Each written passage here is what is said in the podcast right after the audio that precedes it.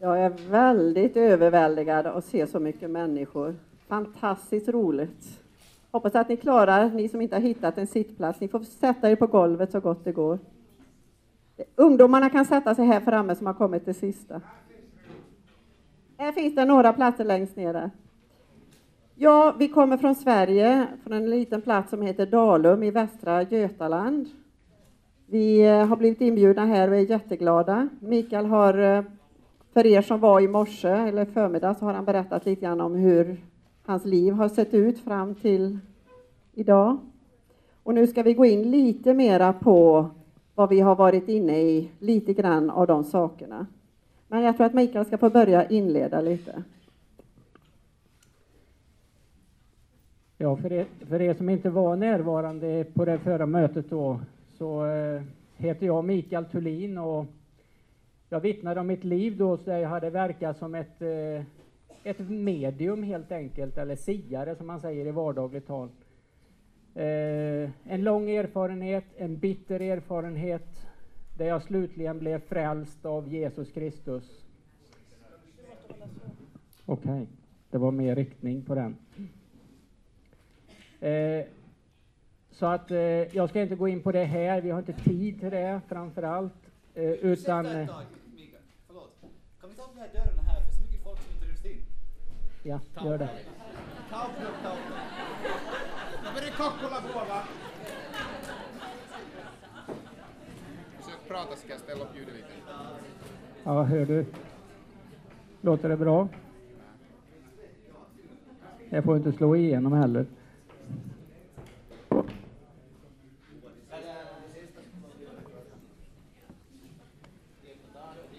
Ja, du ställer in allt eftersom jag pratar. Ja, ni kan tydligen fylla på här borta om ni vill. Ja.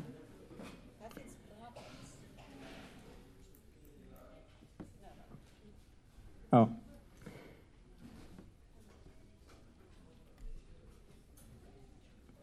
Under alla dessa 25 år som eh, jag och Solveig har varit inne i de här eh, nyandlighetssvängarna så har vi hunnit med och prova på en hel del olika saker, terapier och olika metoder. Vi kommer inte att gå in spe speciellt mycket idag på olika metoder, för under tiden som vi sitter här och går igenom dem så kommer det hela tiden nya med nya namn i nya förtäckta former. Så det går inte. Det går inte att splitta upp det. Det är en explosion som sker på nyandlighetens område. Som människa går det inte att hålla reda på.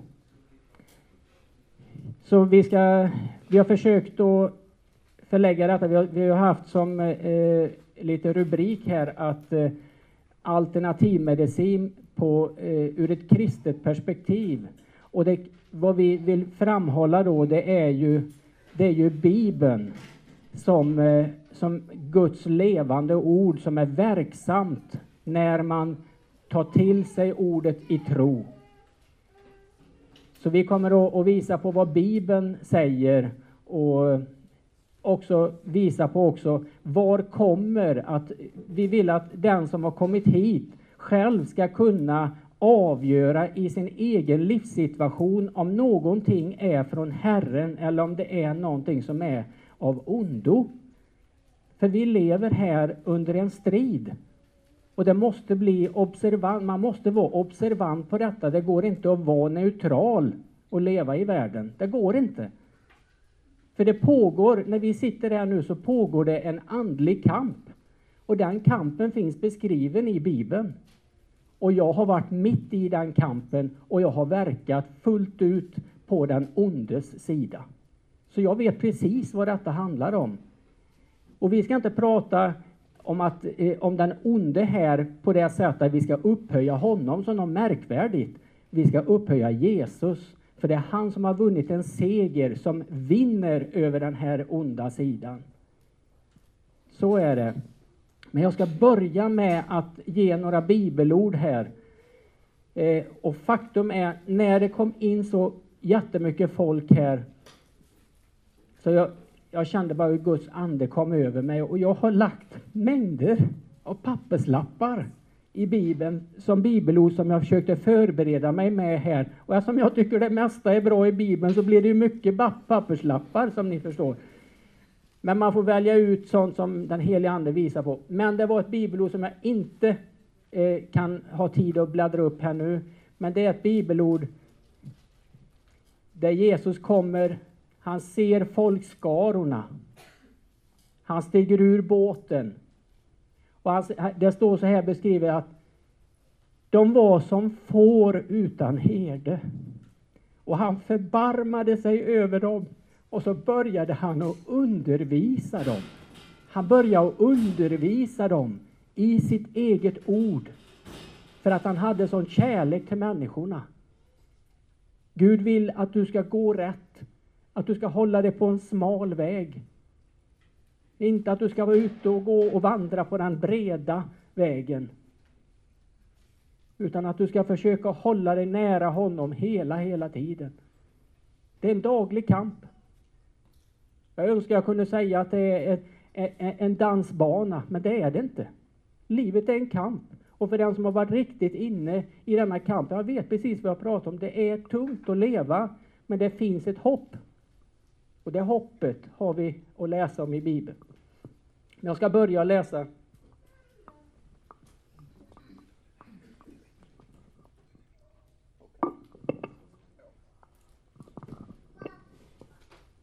Det står så här i Saltaren 119 och vers 105. Ditt ord är mina fötters lykta och ett ljus på min stig. Och längre fram i 121. För dig som har varit involverad och haft åkommor och sjukdomar och kanske lider av någonting. Man tänker ju inte på någonting annat än att bli frisk. Det är ju bara så. Vi, man blir så helfokuserad så att man tar ju man tar ju varje möjlighet och varje chans för att bli frisk. Man gör allting, man hoppas och klamrar sig fast vid allt möjligt som är, är som ett halmstrå. Men jag vill ge dig ett ord att bära med dig härifrån. För det här har hjälpt mig. Det står så här i psalm 121. Jag lyfter mina ögon upp till berget. Varifrån ska min hjälp komma? Min hjälp kommer från Herren som har gjort himmel och jord. Tänk på de orden, min vän.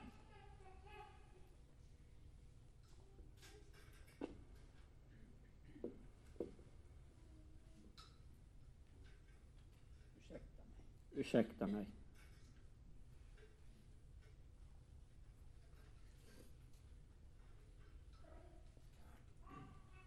Ni vet, jag blev eh, helad från 30 års ångest under bara några få sekunder som Herren eh, berörde mig när jag blev frälst. 30 års ångest, det tog han bort på bara några sekunder. Jag hade försökt väldigt mycket för att bli fri från den här ångesten. Men jag var beredd att ha prövat många olika metoder, eh, meditationsmetoder och så vidare. Men ingenting har hjälpt. Jag kan ha blivit hjälpt för stunden, för att få så att säga några timmars lugn och ro. Men det har alltid kommit tillbaka igen. Det har kommit tillbaka på något sätt i någon form. Och som sagt, min ångest lämnade ju aldrig mig, utan den var ju konstant. Den var bara olika nivåer på. Men detta är bara en åkomma bland väldigt, väldigt många man kan råka ut för. Nu när jag står här så har jag väldigt ont i ryggen. Ni vet, jag jobbar som taxichaufför. Och min, får inte min rygg den dagliga sittställningen så är det onaturligt för mig. Det innebär att jag är vant mig vid någonting som är onaturligt. Förstår ni? Och Gud har helat mig många gånger när jag har haft den här otroliga smärtan, för det är som knivar som kör in i, i, i ryggen på mig. Men jag vet ju att Gud helar. Jag vet ju att när jag går till någon som lägger händerna på mig Jag vet att Gud helar. Jag står på ordet. Jag är tvungen att göra detta. På grund av mina tidiga erfarenheter att jag vet att jag inte blivit hjälpt någon annanstans. Utan bara flytta problemen. Så nu har jag sagt till, vi bor hemma hos vänner här utanför Karleby. När vi kommer hem så ska jag ha bett om förbön här, för nu eh, känner jag att nu ska det, vill jag att Herren tar detta ifrån mig. Så eh, jag har faktiskt ont i ryggen när jag står här nu. Men jag är inte fördömd för det. Det är livet. Det är mitt liv. Man råkar ut, jag vill inte vara i något sånt här tillstånd och jag har fantastiska tider emellan de här ryggsmärtorna. Men eh, jag har en svaghet där och den svagheten, faktum är att den utnyttjar också andemakter. Fastän jag är kristen, kan ni förstå detta? Men jag vet att så är fallet. Det är mitt liv. Jag går inte omkring och tittar på onda andar här och jag ser på Jesus, han är min frälsning. Jag vet bara något år efter jag hade blivit frälst så hade jag haft eh, en tid av många, eh, faktiskt flera år problem med hemorrojder. Och det är ju ganska delikat problem. Man vill ju helst inte prata om detta för det är ju så obehagligt bara att prata om det. Och ni ska veta, en kväll när solvädret gått och lagt sig så eh, Ja, jag hade varit på toaletten och det kommer ju ofta efter, efter toalettbesök, de här smärtorna. Och jag kände bara, hon hade gått in och lagt sig, jag bara kände efter toalettbesöket, nu kommer det en smärta, tänkte jag. Och jag kände bara hur det började knyta sig. Det är obeskrivligt, jag vet, jag kan inte beskriva det här. det är fruktansvärt. Och jag kände att det började svartna för ögonen, så ont gjorde det alltså. Och det smärtar på insidan. Och jag visste inte vad jag skulle göra. Jag gick ut och satte mig i stora rummet i våran fåtölj som vi har där ute och bara väntade på att smärtan skulle släppa. Och det gjorde den inte. Den stegrade sig hela tiden. Jag tänkte nu, nu, nu, det, nu, har jag snart inte medvetande kvar så att jag kan gå in och väcka Solveig att hon kör mig till akuten. För jag, hade, jag skulle aldrig klara att köra själv. Jag kommer in, sätter, har suttit där i stolen en stund och precis ska jag gå in och väcka Solveig så känner jag Herrens närvaro och bara orden kommer. Men jag då? Ni ska veta, jag har fått uppleva underbart nåd ifrån himmelen sedan jag blev frälst. Fantastiskt. Det är, det är så underbart så jag vet inte vad. Men i det ögonblicket så var jag helt fokuserad på att jag skulle söka hjälp om man tänker som en människa. Eh, jag är inte konstigare på något sätt. Men när jag hörde de orden, då visste jag, ja, jag har ju inte ens frågat. Jag har inte ens frågat om han kan hjälpa mig. Och jag börjar se framför mig bara och lägga mig på den här britsen på sjukhuset. Och det, och det gav mig sådana fruktansvärda tankar. Nej, jag, jag klarar inte detta. Så jag sträckte mina händer ifrån, mot himmelen, gjorde som jag gjort tidigare, med min ångest. Herre, jag klarar inte att åka in där. Hjälp mig. Och jag känner bara den här strömmen som bara kommer.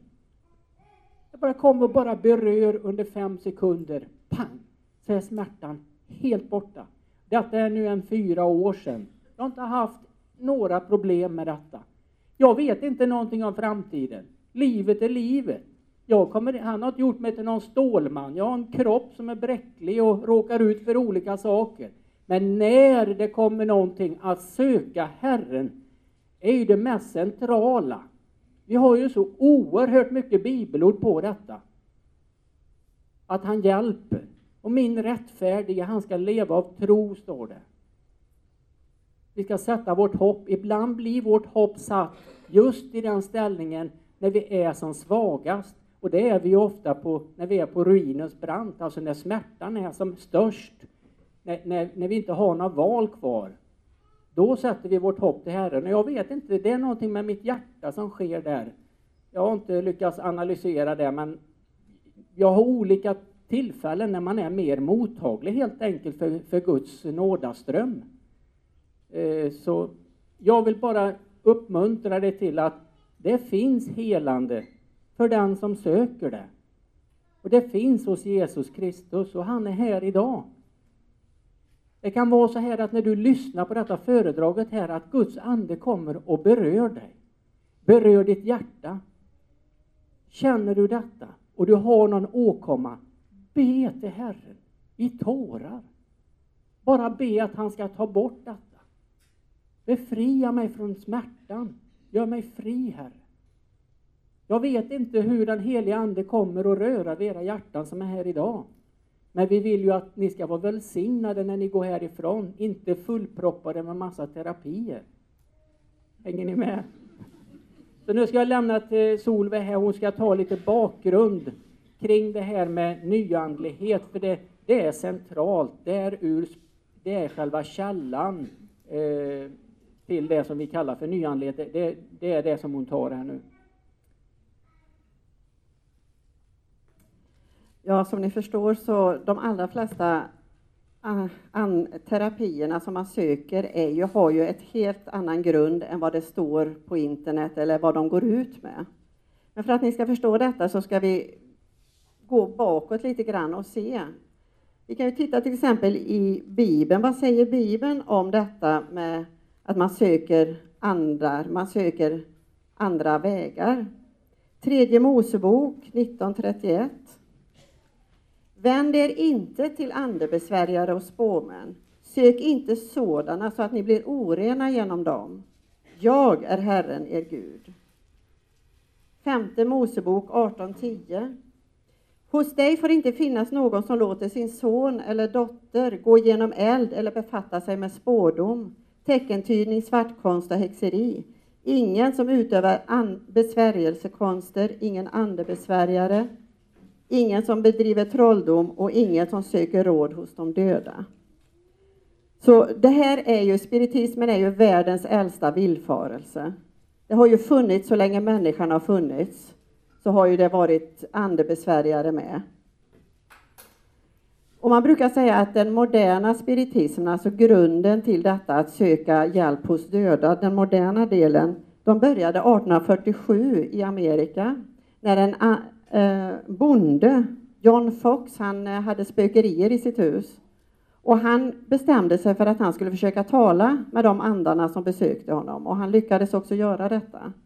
Så han brukar ju man säga att det är han som har fört in den moderna spiritismen i världen.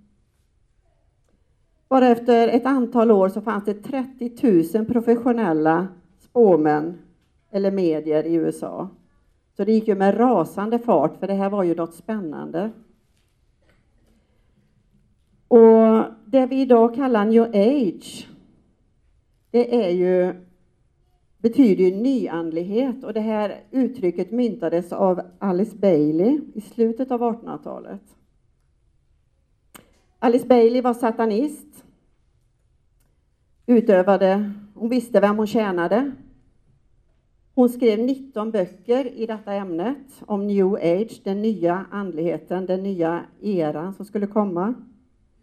Hon skrev böckerna på sitt eget eh, bokförlag som hette Lucifer Trust. Och Lucifer vet ju vem det är, och det visste ju hon med naturligtvis.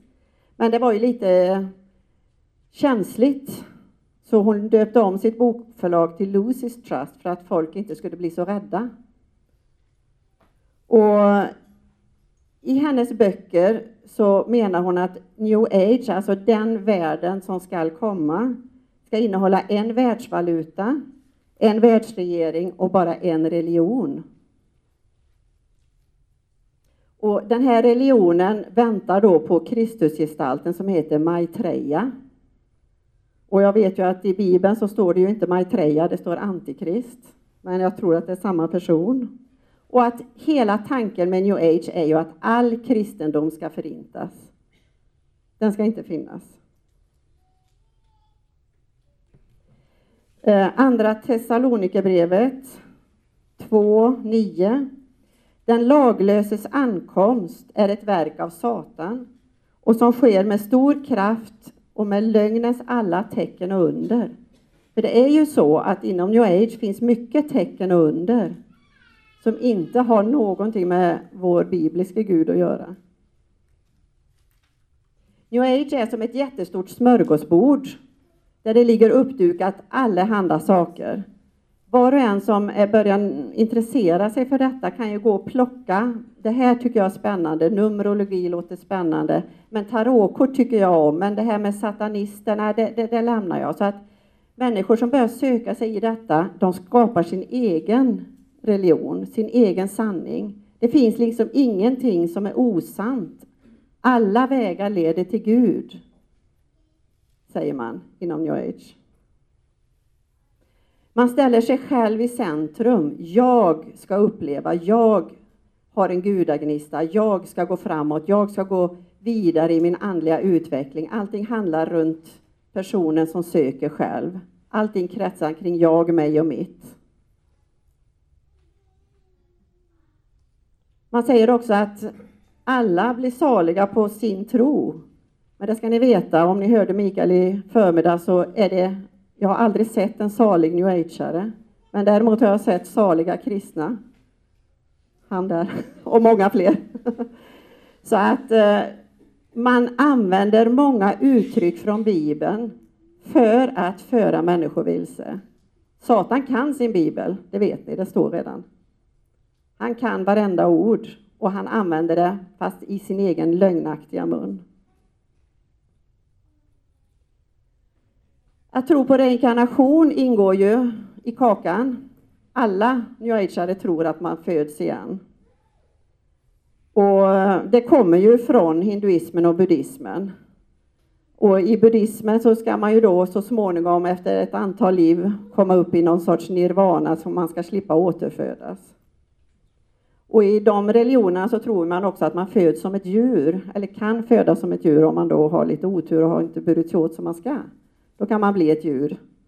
Men eh, i västerlandet när man pratar om eh, reinkarnation så talar man inte om att bli ett djur utan man blir människa hela vägen. Så det är ju så, man ändrar så det ska passa västerlandet. Man ändrar lite grann på allting så att folk ska svälja detta.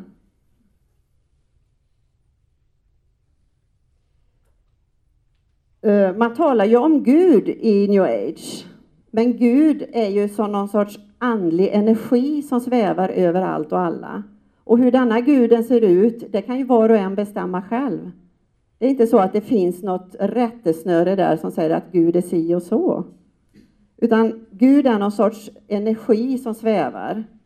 Men i Bibeln läser vi att Gud är ju en personlig Gud. Och vi ska ju ha en personlig relation till Gud.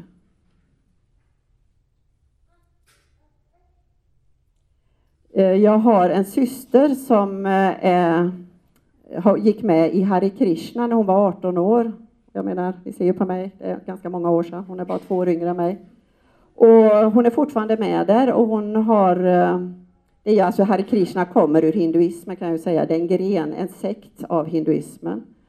Och hon har ju bott på olika tempel och hon bodde bland annat många år i ett tempel i Indien. Hennes uppgift var att klä av och på de indiska gudarna med nya kläder. Hon skulle sy de här kläderna och hon höll på med det i många, många år. Jag vet inte om det var närmare tio i alla fall. Men eh, när hon var där nere så begick hon ett stort misstag. Och hennes eh, andlige guru där nere berättade då att nu hade hon ju sjunkit från högsta nivå i rörelsen och skulle då återfödas som ett djur. Så hon hade ju totalt gjort bort sig för detta misstaget. Och då frågar hon ju naturligtvis hur ska jag kunna komma tillbaka dit upp då? För det är ju någon sorts trappstege man ska gå.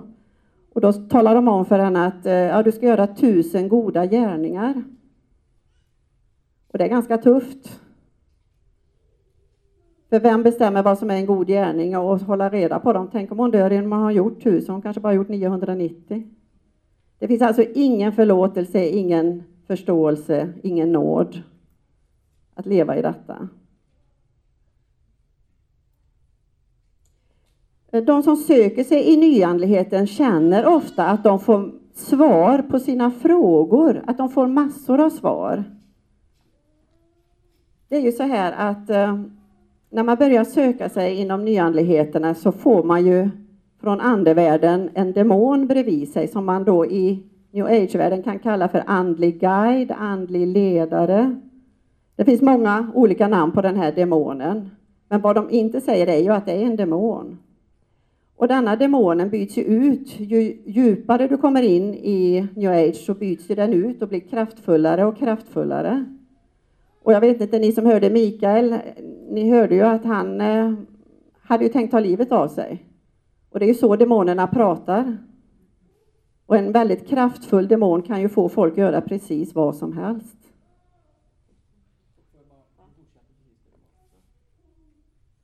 Jag bara kom att tänka på någonting här. Eh, vi upplevde efter förmiddagens möte här att eh, många av er sitter och undrar, finns det verkligen en andevärld som är ond?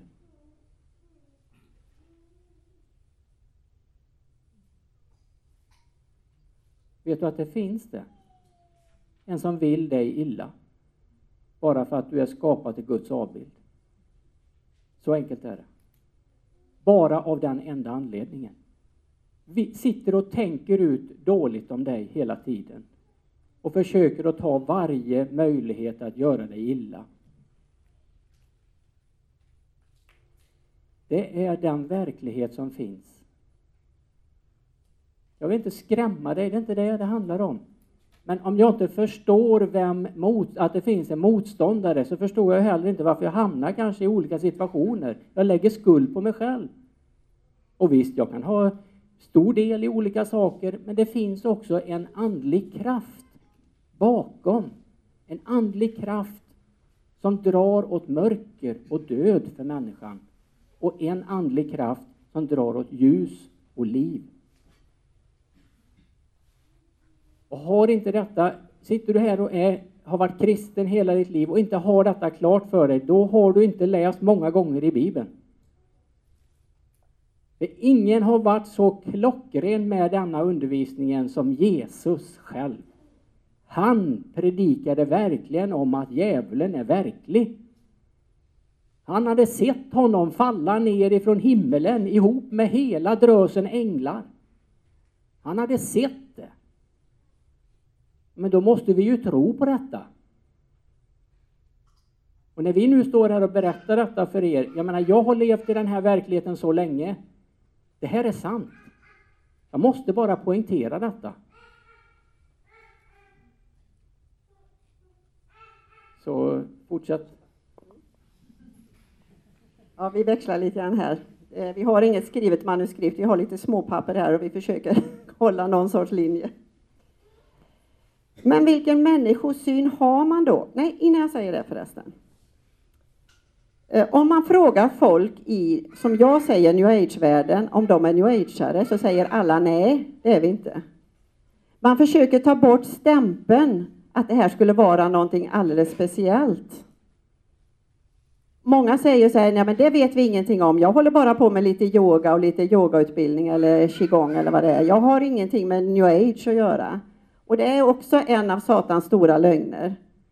Man försöker ta bort eh, eh, stämpeln på dem. Man försöker slipa ner trösklarna för vanligt folk att gå in i detta.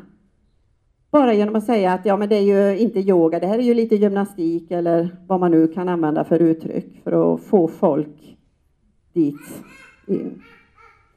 Och vad har då för alternativmediciner för människosyn? Och vad har Bibeln? I Bibeln, första Mosebok 1.26 står det att vi är skapade till hans efter, till hans avbild, till att vara lika honom.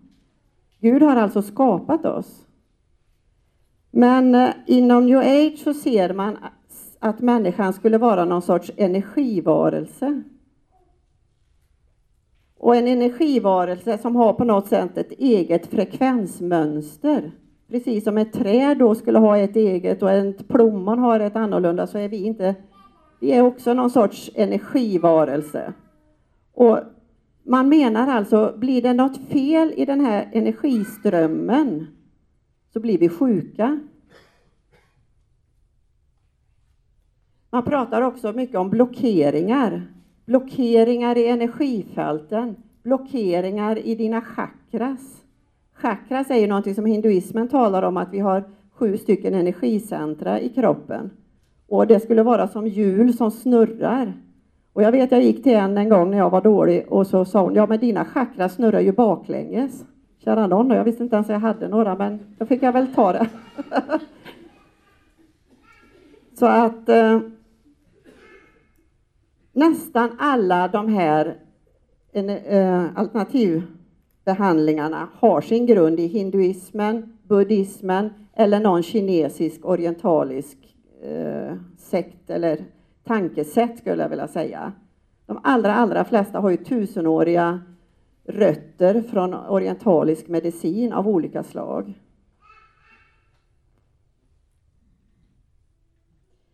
Och sen så har man ju tusen sätt som man då ska bota dessa energistörningar på. Man ska gå på yoga, man ska meditera, man ska göra allt möjligt konstigt. Jag själv utbildade mig till zonterapeut för att bota människor då från sina besvärligheter. Och zonterapin kommer ju från den kinesiska medicinen, också mycket gammal. Och man menar då att energin i kroppen följer vissa, som vi kallar det då, meridianer.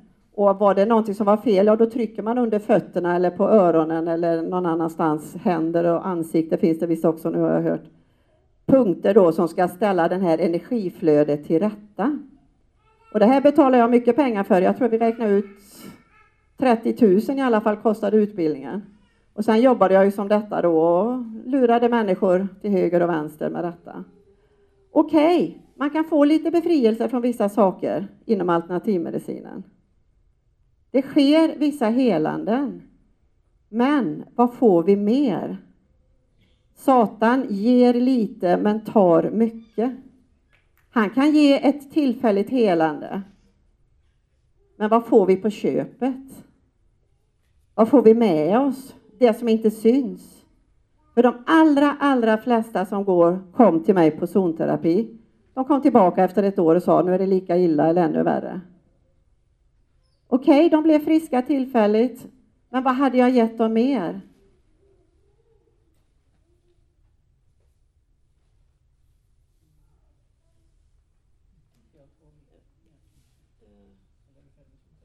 Ja. Och jag varvar ju min, eh, min verksamhet med att jobba som healer. Och healer hör ni talas om idag. Handpåläggning, ja det finns ju här i.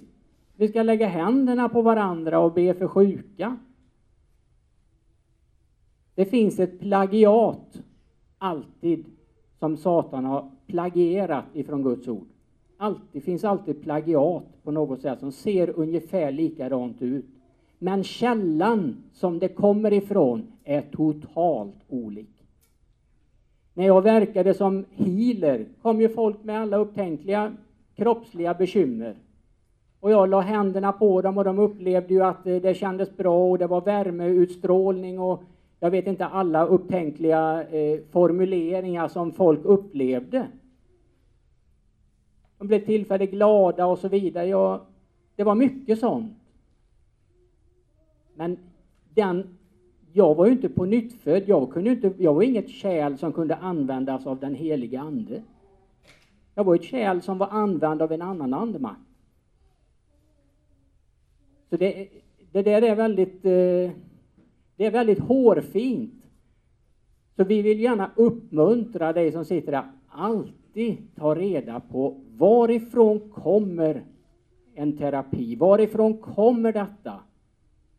Det är, livs, det är livsnödvändigt för din skull.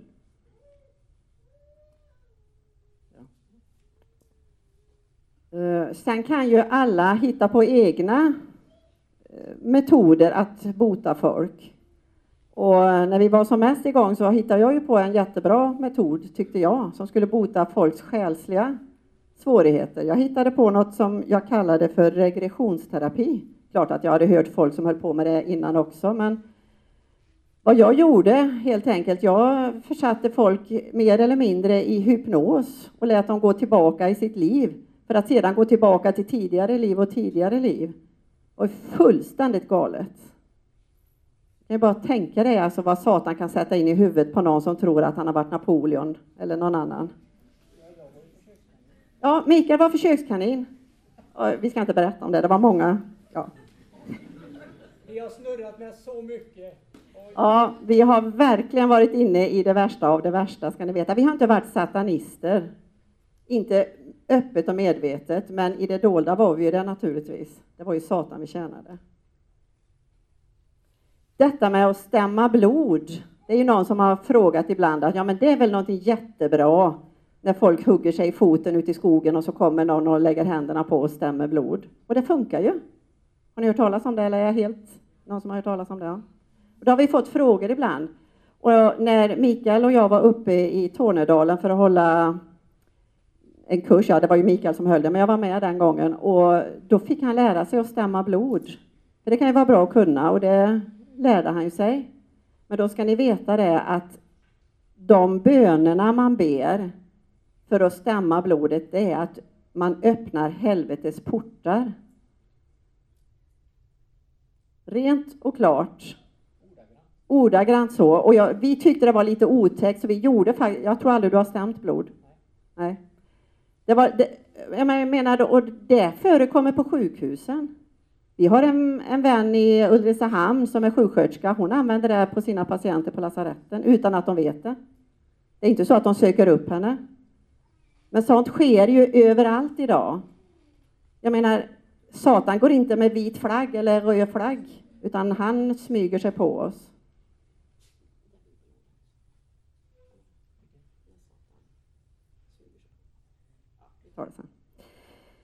Ja, eh, jag ska berätta lite grann. Meditation är ju också någonting som alla gör inom new age.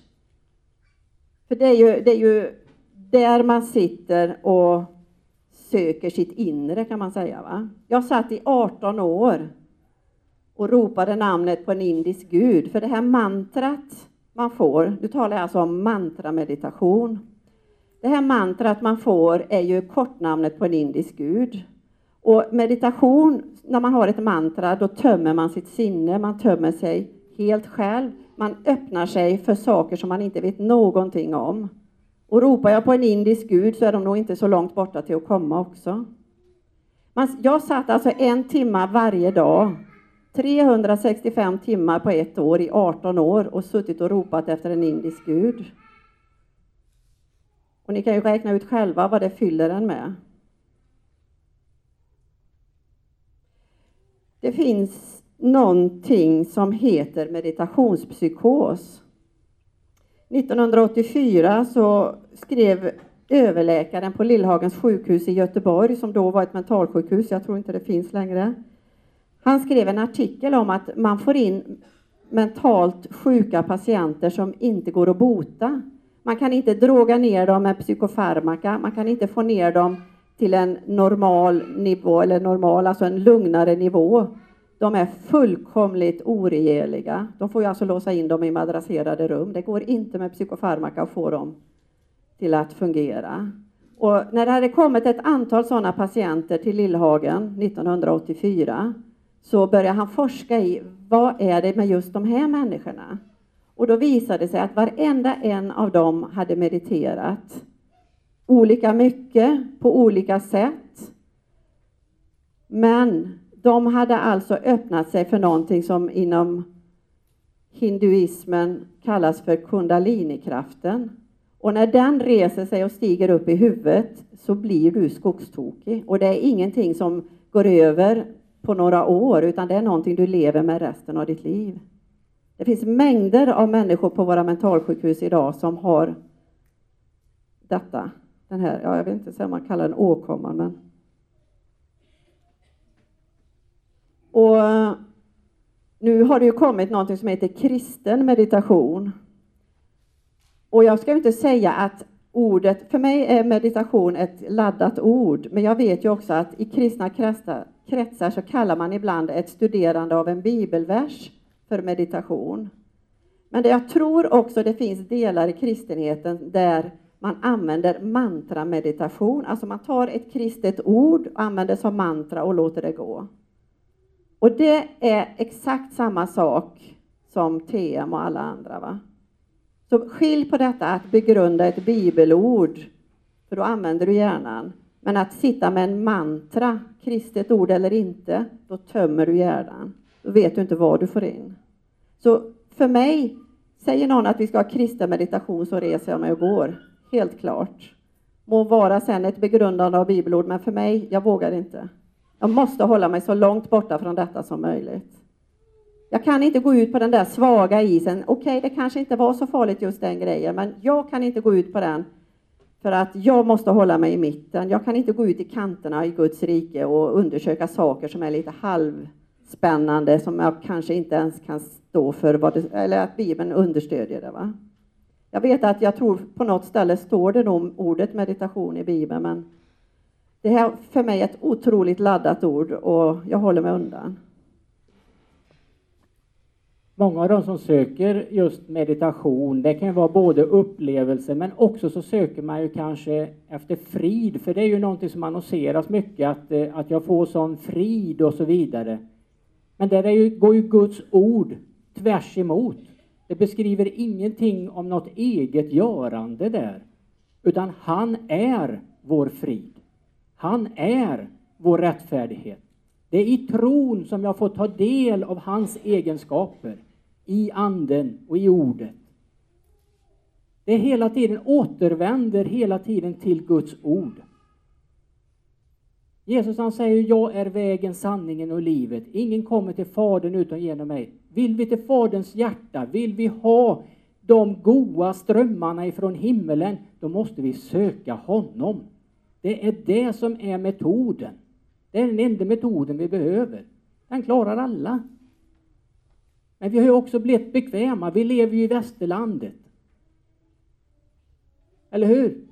Vi blir så lätt, vi tar så lätt del av världen. Här är den första att erkänna detta. För det gör jag fortfarande.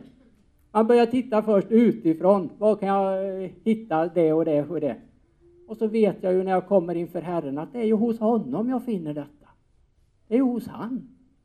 Har inte, han har inte gått någonstans, han var där hela tiden. Ja, jag ville bara flika in.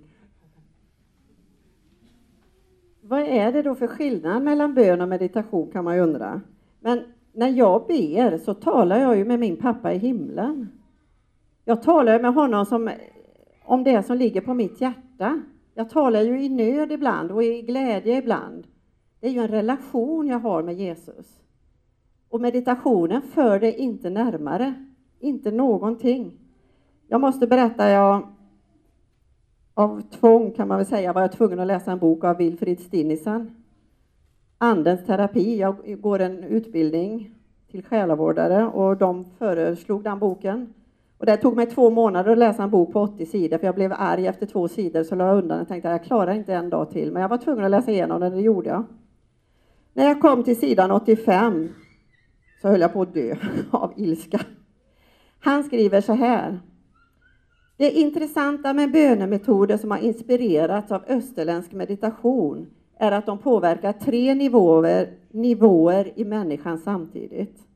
Kroppen mår bättre, psykiskt blir man mer centrerad och man får ro. Man kommer till ro och anden öppnar sig för Gud. Men då frågar jag mig, vilken Gud är det vi öppnar oss för när vi använder oss av österländska metoder? Jag tror inte det är Jesus. Och detta är ju en man som är mycket läst i kristenheten. Men jag menar det att vi som kristna, vi får inte tro bara för att det är en kristen som har skrivit boken att jag kan svälja och äta allt som står i den. Man måste gå tillbaka till Bibeln och kolla upp, är detta bibliskt? Vi måste bli urskiljande i våran ande, vi ska vara skarpa. Det står så här i första Petrusbrevet eh, kapitel 5 och vers 8.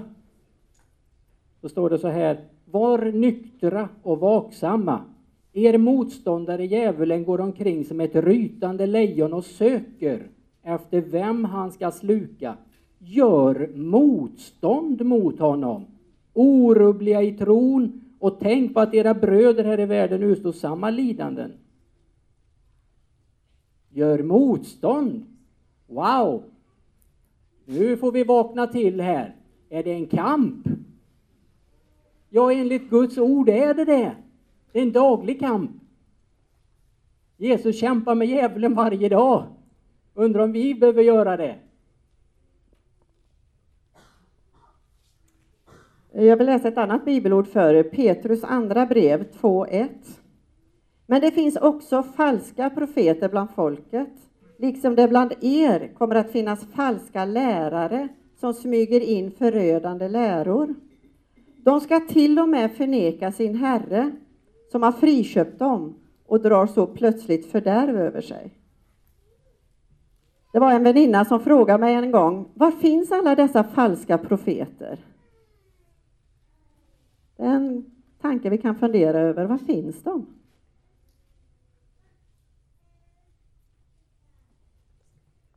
Man tror ju då att kanske bara för man skriver kristet framför någonting så är det rumsrent. Och det lurar många kristna, ska ni veta.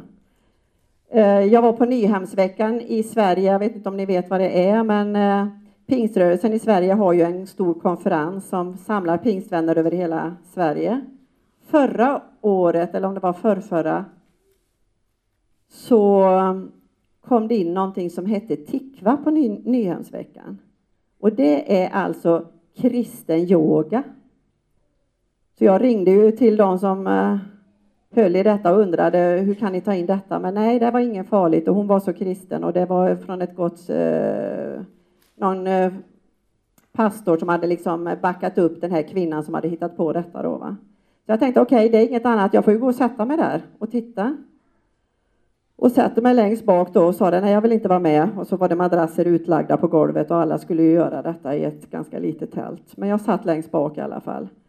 Och när man använder sig av andningstekniker och rörelser som kommer från yogan och sen bara säger att ja, men vi läser ju ur Bibeln, så det här är ju inget farligt. Vi är ju beskyddade, vi kristna. Okej. Okay. Vi kanske är beskyddade från att ha varit med i Tikva en gång, men tänk den oskyldiga kvinnan som tänker, men det där vi gjorde på nyan, det var ju så, det var ju så mysigt. Och här står det ju yoga, men vi går på det. Och sen kanske till och med hon står, ja men det står kundalini-yoga, men det låter ju spännande. Och har ingen aning om vad de sätter sig i. Så detta att slipa ner trösklarna mot det onda, det är ju Satans nästan främsta vapen.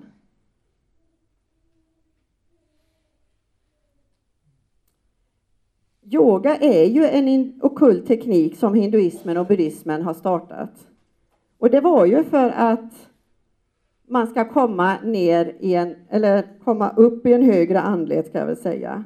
Ordet yoga är ju sanskrit och betyder att binda samman. Och vad är det vi binder samman? Jo, det är vårat medvetande med någonting där uppe. Och någonting är inte Jesus. Vi binder samman oss med de andar där yogan har sin grund. Man har ju kroppsställningar och andningstekniker för att komma ner i en djupare meditation, så yoga är ju en meditationsform.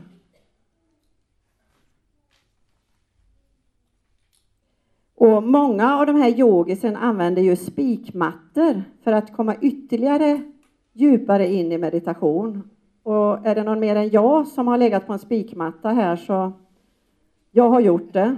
Och jag har gjort det efter jag blev kristen, så jag har blivit lurad fortfarande ibland. Min dotter köpte en spikmatta, hon är inte frälst, och sa mamma, titta jag har något spännande här. Du som har så ont i ryggen ibland, kom och lägg dig på den. Det är så bra för eh, blodcirkulation och allt vad det var.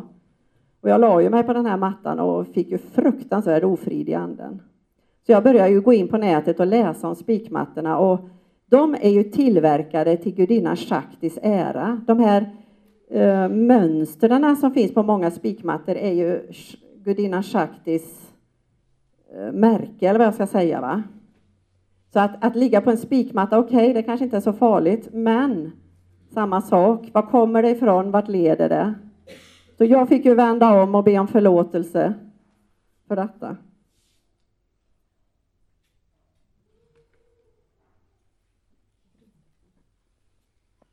Vet, står det i tredje Mosebok kapitel 19. Tredje Mosebok kapitel 19 och vers 2. Så står det att Herren är en helig Gud, han vill att vi ska vara heliga. Jag ska läsa ordagrant kände jag faktiskt. Säg till Israels barns hela menighet. Ni ska vara heliga, ty jag, Herren, er Gud, är helig. Vad ska vi vara? Heliga. Och varför? Herren är helig, våran far är helig. Det passar bra ihop då. Så det är därför vi inte ska hålla på och tassa in i, i, i okända marker. För Herren vill att vi ska vara heliga. Som han är helig.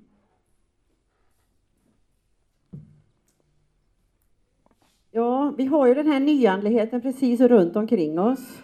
Ingen kan ju slå upp en eh, tidning utan att eh, komma till sidorna där det står att ring detta och detta numret så får ni veta er framtid. Och det finns ju, ö, det är ju sån översköld, vi är så översköljda av detta så att vi har ju slutat fundera över det. Och det kanske är jätteenkelt som en kristen att tänka, ja men det vore ju väldigt spännande att veta, ska jag nu flytta eller ska jag inte? Tänk om jag ska ta och ringa det där numret. Jag menar, det är jättelätt gjort. Det finns många kristna som inte har hittat där man söker i kristenheten och då går man och söker upplevelser, kickar i nyandligheten. Men de kickarna som är störst, de finns här i. Vi kan inte hålla på lite på var sida. Vi kan inte söka både i new age och kalla oss för kristna. För jag tror inte att den heliga Ande vill bo i ett delat hjärta. Han vill ha dig för sig själv. Första Korinthierbrevet 10.21 så står det Ni kan inte dricka både Herrens bägare och onda andars bägare. Ni kan inte ha del både i Herrens bord och i onda andars bord. När man då söker sig in i, i nyandligheten, kristen eller inte kristen, så är det ju lite grann det att man vill själv ta kommandot över sin andliga utveckling, sin, sin and, sitt andliga liv. Vi kanske inte har lämnat oss till hundra procent till Jesus. Vi har lite grann det, ja men om jag gör detta så kanske det blir bättre. Man kanske söker en liten andlig kontroll över sitt eget liv. Och när man söker i nyandligheten så är det ju jaget som hela tiden är i centrum. Och man kan fråga sig när man söker i detta då, vem kommer att bli förhärligad? Är det Jesus eller är det jag själv?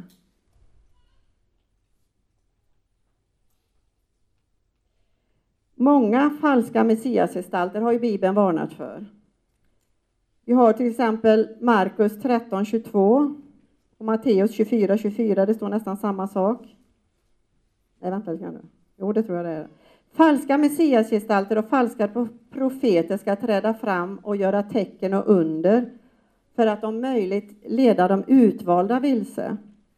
Men var på er vakt, jag har sagt allt i förväg. Och de utvalda, det är ju den kristna skaran.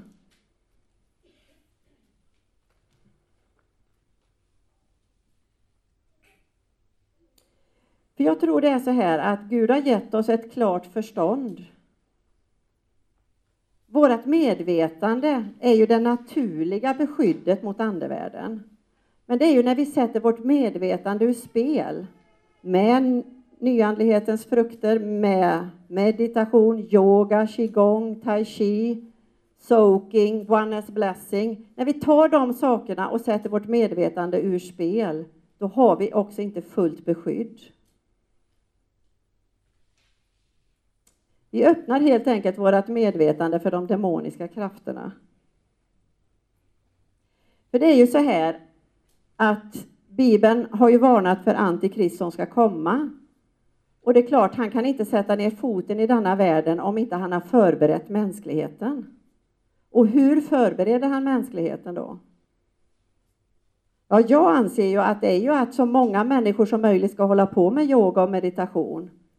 Har suddat ut sitt, sina egna tankar, har blivit lite simmiga i tanken. Där har ju han möjlighet att komma fram i världen. Det är ju precis som att börjar man med de här sakerna så får man en dimma över sitt medvetande. Man ser inte klart. Men Gud säger ju att vi ska vara skärpta och vi ska lära oss att skilja på andar. Vi ska skilja på gott och ont. Ska vi prata lite om vad man... Ja. Och Jesus själv, han säger ju att eh, Satan själv gör sig lik en ljusets ängel. Ingen skulle tro på detta annars. Du och jag som sitter här nu, eller jag står och ni, du sitter. Men vi skulle inte tro om det kom någon på gatan med horn. Det är ju ingen som skulle tro på honom. Vi skulle veta direkt, ja, men det kan ju vilken kotte som helst se att det är Satan som kommer och går där. Nej, utan han kommer ju i samma klädnad som, eh, som Bibeln beskriver då att eh, änglar kommer och alltså i den här, de kom ju med det, den täckmanteln för att helt sudda ut gränsen mellan gott och ont. För då vet man ju inte till slut, man, man blir ju helt, helt villfaren. För det är Jesu, Jesu ord. Det är det. Satan själv gör sig lik en ljusets ängel. Då kan man ju fråga sig, vad gör man nu om man har fastnat i det här? Vad gjorde jag och Mikael förutom att vi mötte Jesus med kraft? För det är ju så här också att eh, även om andarna far ut så vill de ju gärna komma tillbaka. Särskilt om det är lite städat och pyntat så är det ju trevligt och då tar man ju med sig sju andra andar, det står det ju i Bibeln. Och det är ju så här att man kan ju behöva hjälp. Jag och Mikael behövde mängder av förbön av troende kristna, och varmt kristna. Ja, alltså kristna som var medvetna om vad vi hade varit inne i och var medvetna om hur den andliga världen fungerar. Okej, okay, man kan inte bara be en frälsningsbön och sen tror man att allt är frid och fröjd. För att det behövs mer. Man måste ju få hjälp att klippa alla band bakåt och det är inte enkelt. Jag vet inte, ni som hörde Mikael när han hade fått en, bett den här frälsningsbönen så tänkte han ju, ja men det där med reinkarnation, det, det måste jag ju tro på, för det visste han ju att det var rätt. Alltså man har mängder av sådana tankar som inte bara försvinner av sig självt, utan man går ju lite grann i detta att ja, men det kanske ändå var så som jag trodde förut. Man måste ju ha hjälp att klippa de här banden. Och vi hade ju sett andar i vårt hem. Det var ju liksom inget konstigt för oss att det flög runt andar det, under den här tiden vi var inne i detta. Men de försvann ju inte heller helt enkelt. Och vi visste ju, både jag och Mikael, att vi hade ju andar i oss. Och vi läste ju här vad Jesus gjorde. Vi tog Bibeln och läste hur, hur blir man av med de här andarna? Jo, vi gör väl som Jesus gjorde då. Vi lägger händerna, händerna på varann och så ber vi ut dem. Den som är i världen är ju svagare än Jesus Kristus. Kristus är ju den högsta makten. Men vi visste ju också det, var skulle vi leta någon som gjorde detta åt oss? Till kyrkan vågar vi inte gå och säga att jag är full av onda andar, kan du be ut dem? Jag menar, de hade nog inte släppt in oss, de hade ringt eh, sjukhuset och sagt vi har en som ni kan ta in här. Så vi förstod ju att detta måste vi göra själva. Så vi läste Bibeln och så gick vi ut i skogen. På banvallen, en eh, asfalterad gångstig där tågen gick förr. Vi gick ut där, jag och Mikael tillsammans, och jag bad ut andar på honom och han ställde sig i en buske och spydde och sen var det min tur så la han händerna på mig och jag la i nästa buske och kräktes och hosta och nyser. Och sen gick vi in med lyfta händer i våran kåk igen och prisa Gud. För det var precis det vi gjorde. Vi gick där inne och prisade honom att det, var, det här är helig mark. Vi bara talade ut Guds ord i vårt hus. Att det fick komma ut i öppenhet, inte att bara stå, sitta och tänka det inne i sin kåk. Man måste proklamera Jesu Kristi seger på korset. Det måste man göra med jämna mellanrum. Vi gör det ofta. Så fort, jag gör det ofta inte när Solveig och Johannes är hemma, men jag gör det när jag är själv. Helt klart, går från rum till rum, proklamerar detta är Herrens boning. Det är han som bor här. Ut härifrån. Bara Alltså tala ut Guds ord är ju oerhört viktigt för en kristen. Jätteviktigt. När det kommer ut och det har liksom kryddats och den heliga ande, pang! Andarna flyr ju. Och ibland vet man ju inte varför man gör detta. Alltså, man kommer in hemma, hoppas man ju att det är rent och så, men som förra veckan här så var jag på eh, en kurs och jag bodde i ett hotellrum kan man säga. Och jag bara kände när jag gick in i rummet där, nej, här måste vi be. Så jag gick runt och bad och öppnade garderoberna under sängen, in där, Jesu blod över alltihopa. Och sen var det lugnt och frid och jag vet inte, jag bara kände att det här måste jag be. Och jag menar, jag gör ingen stor sak av detta. Det är inte så att jag gör det varje gång. Jag har legat jättemycket på hotell sen jag blev frälst, men jag har inte behövt göra det någon annanstans. Men känns det att det behövs, ja men, ja, men då ber vi lite böner här och stryker Jesu blod över salen eller vad man nu vill ha. Det, det känner ni. Jag tror att ni har precis samma känsla ibland. Det är ju så här också att vi lever ju i en tid där man pratar om mycket, hur känns det? Hur upplever du detta? Hur, hur känner du inför detta? Alltså det är min egen känsla som ska avgöra om någonting är bra eller inte. Det här är någonting som är oerhört centralt i nyandligheten och i olika terapiformer. Alltså hur känns det? Alltså jag ska på något sätt med mina, mitt känsloliv bedöma om någonting är bra eller inte.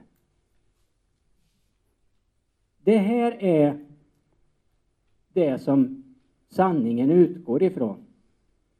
Och det finns en underbar välsignelse med när man är i ordet. Alltså man, man är i ordet, man har andens närhet. Det har en underbar välsignelse i anden. Fantastiskt, där man får ta del av Guds goda.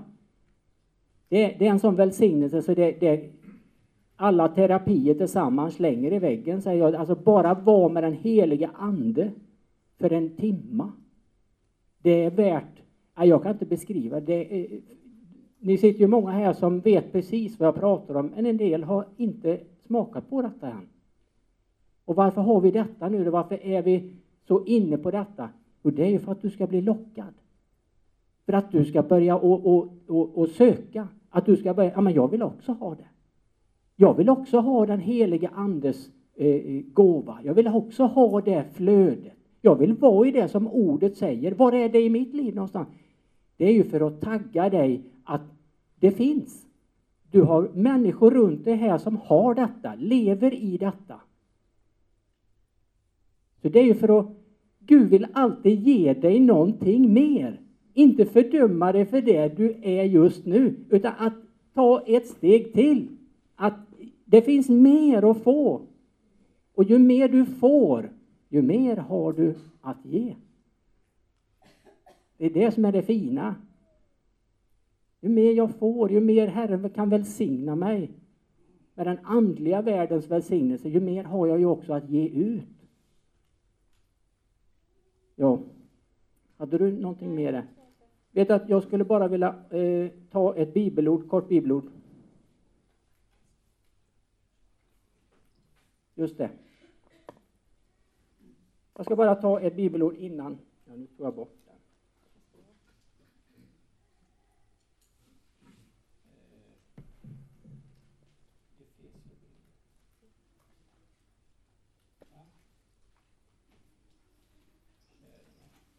den. Hittar vi inte. Jo, det står så här i Efesierbrevet.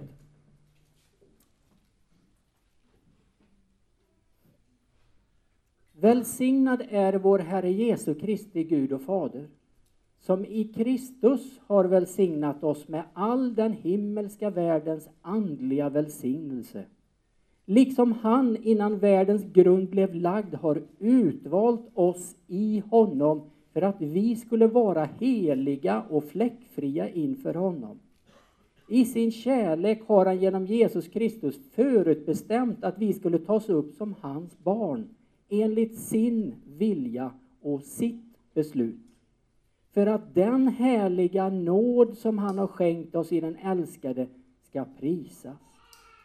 I honom är vi friköpta genom hans blod och har förlåtelse för våra synder på grund av den rika nåd som han har låtit flöda över oss med all vishet och insikt. Han har låtit oss veta sin viljas hemlighet enligt det beslut som han har fattat i Kristus.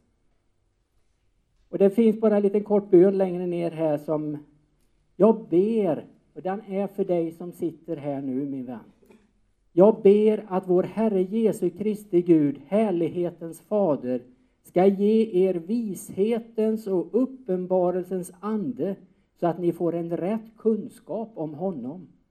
Jag ber att era hjärtan skall upplysas så att ni förstår vilket hopp han har kallat er till och hur rikt på härlighet hans arv är bland de heliga och hur oerhört stor hans makt är i oss som tror därför att hans väldiga kraft är verksam, säger Herren.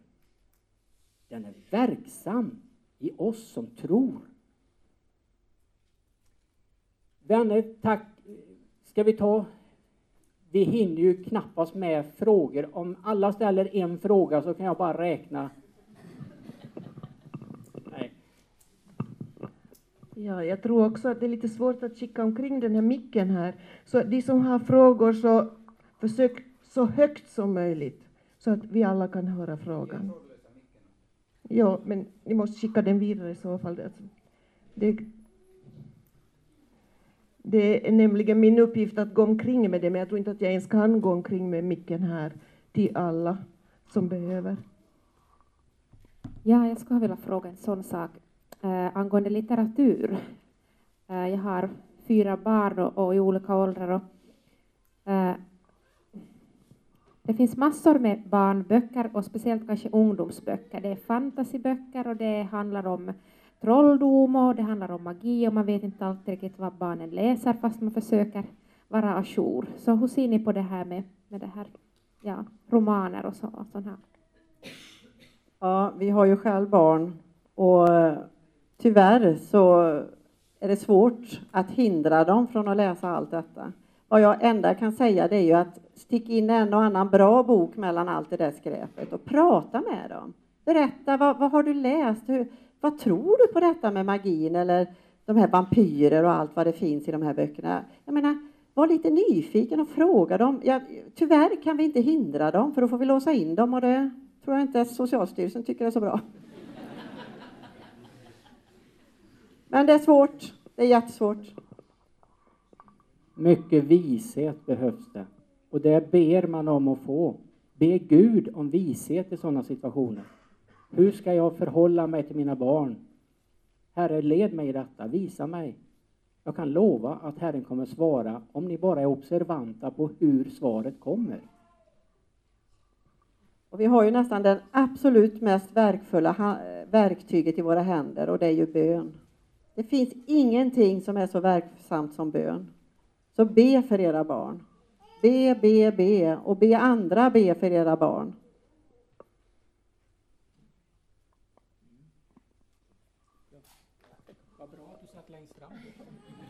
Uh, jag har en sån här fråga. Uh, jag känner ett antal personer som är inblandade i en massa mystiskt.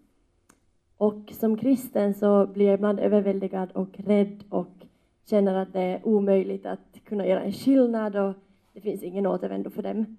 Eh, vad har ni för tips åt en kristen som, för att inte vara rädd eller för att inte liksom våga nå ut till dem? Vad kan man göra? Vad ska man inte göra? Vad ska man försöka låta bli att göra? Ja, jag var ju väldigt insyltad. Jag vet inte om du hörde på förmiddagen mitt vittnesbörd. Men den mannen som förde mig till tro, han hade ett enkelt budskap som han lät den helige ande verka i mig, även när han gick därifrån. Och det var ju att jag tror på Jesus Kristus som korsfäst och uppstånden. Jag tror på en levande Gud. Jag tror inte på det här andra. Jag tror inte att det är från Gud. Du kan vara ärlig och frimodig och säga detta. För när du har gått därifrån sen så finns den helige Ande kvar och verkar och älskar. För du ska veta att den helige Ande älskar de kompisarna som du har i detta. Lika mycket som han älskar dig och mig och alla här inne. Det är kärleken som är grunden i den gärning som Gud har gjort med Jesus Kristus. Det är kärleken. Men det betyder inte att man får sätta ur spel alla, alla eh, eh, varningar och allting. För det, så görs det mycket idag, även i kristenheten, att i kärlekens eh, paraply, där kan man vara hur som helst. För allting ordnar sig ändå. Men det är inte riktigt så. Jag kan ju gå helgalet. Så Jesus Kristus som korsfäst och uppstånden. Jag tror på en levande frälsare. Ibland när vi blir rädda så eh, jag kommer ihåg en sån situation när jag hade några vänner som hade hamnat in i en farlig sekt. Och de besökte mig ofta och försökte omvända mig. Men en dag fick jag en lapp genom dörren där det stod på engelska You have a denominational spirit that keeps you from hearing the truth. Alltså att du har en sådan ande som hindrar dig från att höra sanningen. Och först blev jag både kall och varm och tänkte att usch fy. Men sen blev jag väldigt glad för att jag förstod att de visste att jag hade en annan ande. Och det vet jag ju själv också.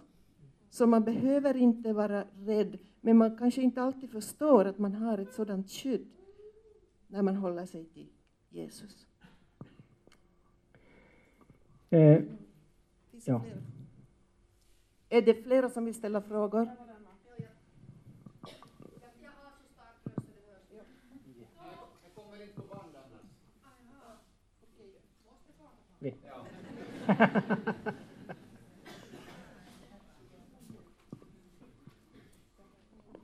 Några frågor som ni säkert har fått förr och, och som ju säkert kanske andra tänker på här, det är att du sa att, att du vet ju att Jesus helar och att när du ber för din sjuka rygg då så blir du helad.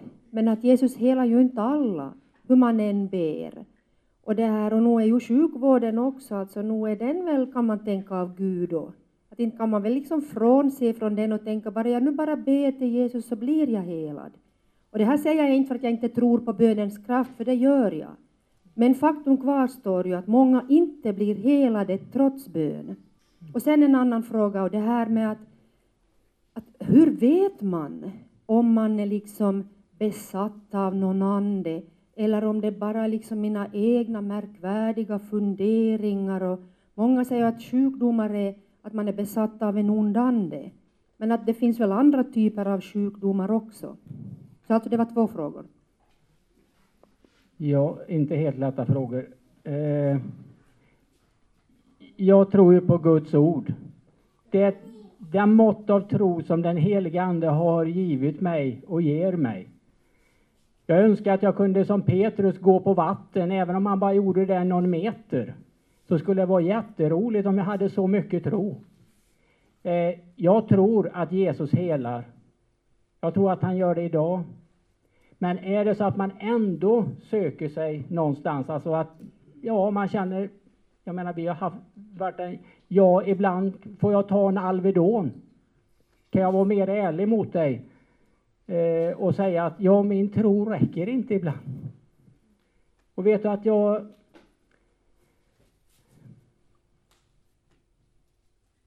Jag söker Gud i de allra, allra flesta frågor faktiskt. För han har gjort så otroligt mycket i mitt liv så jag har ju, jag har ju fått sånt eh, levande bevis för att, eh, att han är verksam och att han älskar mig. Och att sjukdomar, är, det kommer inte från honom. Men att vi lever i en värld som är på nedåtgående. Det var inte alls så Gud tänkte. Det är inte så att Gud lägger inga sjukdomar på några människor. Han älskar ju var och en. Men faktum är ju, vi ser ju här att det är ingen lätt plats att leva på. Vi kan råka ut för en det ena, vi kan råka ut för en trafikolycka imorgon och så ligger man förlamad sen och ja, jag tror inte att det är från Gud. Jag tror att det, det hör till hela, hela strukturen, världen är i nedåtgående. Den är inte, den är i den ondes våld som det står i, i, i och, och, och där är jag, jag är ju med där. Eh, jag vet inte hur jag lätt ska kunna svara eh, på de frågor du ställde där. Eh, Onda andar, ja om du har det eller inte. Jag vet ju bara hur de påverkar. De ger ju ofta, när man får förbön för dem så, eh, så flyttar de ju sig i kroppen. Att smärtan och det här, det flyttar sig till en annan plats. Eh, och den som får förbön, han känner det. När han får förbön, ah, hur, hur är det nu när jag har bett för din rygg till exempel? Ja, men nu hoppar det upp i nacken. Ja, då kan man nästan vara säker på att det här är en eh, sjukdomsande. Ja, då får man be ut sjukdomsanden ut i Jesu namn. Jag befaller dig. Och sen kan man ha olika lytten och jag menar vad som helst. Det, det är inte helt lätt och det fordras vishet och att man lever nära Gud också för att få uppenbarat vad det är en människa eh, lider av. Det är inte helt lätt alltså. Jag önskar ju att, eh, att jag hade sån insikt. Det skulle vara jättebra. Det skulle kunna hjälpa jättemånga, men det kanske jag kan göra ändå. Låta Gud leda på vägen. Jag vet inte, hade du tankar där? Vi kanske inte kommer hinna med alla frågor tyvärr. Men jag får ju säga det att eh, känner man att, eh, att man behöver hjälp av en läkare, självklart ska man ta sig till lasarettet. Men gå inte till en healer eller till en eh, någon sorts terapi. Jag menar, eh, jag tror ju att Gud har ju skapat läkarna naturligtvis. Och jag är ju ganska trygg när jag går till lasarettet för jag känner ju ändå att där har de ju studerat länge. Medicinerna du får av en läkare, ja men de är ju provade och testade på alla möjliga sätt. Men man måste inte gå och ta homopatmediciner och lägga sin, sin kraft där. Eh, Eh, och, och när man... Eh, om, om vi ser att läkarvetenskapen har ju ändå en, en ådra tillbaka. Den, den grunden i läkarvetenskapen är ju inte österländska religioner först och främst. Utan det är ju ren vetenskap. Där vi har använt vårt medvetande och vårt kunnande till att eh, få fram mediciner. Därmed inte sagt att alla mediciner är bra. Vissa har ju biverkningar. Det här är ju en hierarki utan dess like. Men det är ju ändå människor som har arbetat med detta och lagt ner oerhört mycket arbete för att få fram de här medicinerna för att någon annan ska kunna få ett bättre liv. Men det finns ju en, en mycket charlatanverksamhet inom det som är med, eh, med homopatmediciner och allt möjligt sånt här. Det är inte alls de testerna som är på, läke, på, eh, på läkemedel. Alltså nu är vi inne på rent världsliga grejer faktiskt. Eh, för jag tror ändå att man ska söka Gud i allting. Även om man tar hjälp av läkarvetenskapen. Fortsätta och be för sina, eh, de lytten man har. Inte släppa detta. Okej, man kan bli nedslagen när man inte ser bönesvar direkt. Men tro ändå, proklamera. Herre, det känns inte bra. Men jag vet ju att ditt ord är sanning.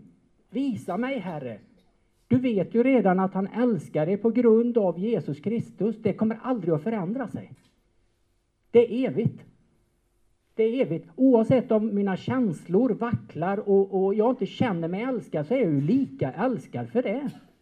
Så jag får inte sätta ett icke-helande i kombination direkt med att Gud älskar mig inte. Och det är ju där vi ofta gör, för att känslorna styr ju. Men då måste jag ju veta, var har jag min grund någonstans? Har jag den hos Jesus? Har jag den hos honom?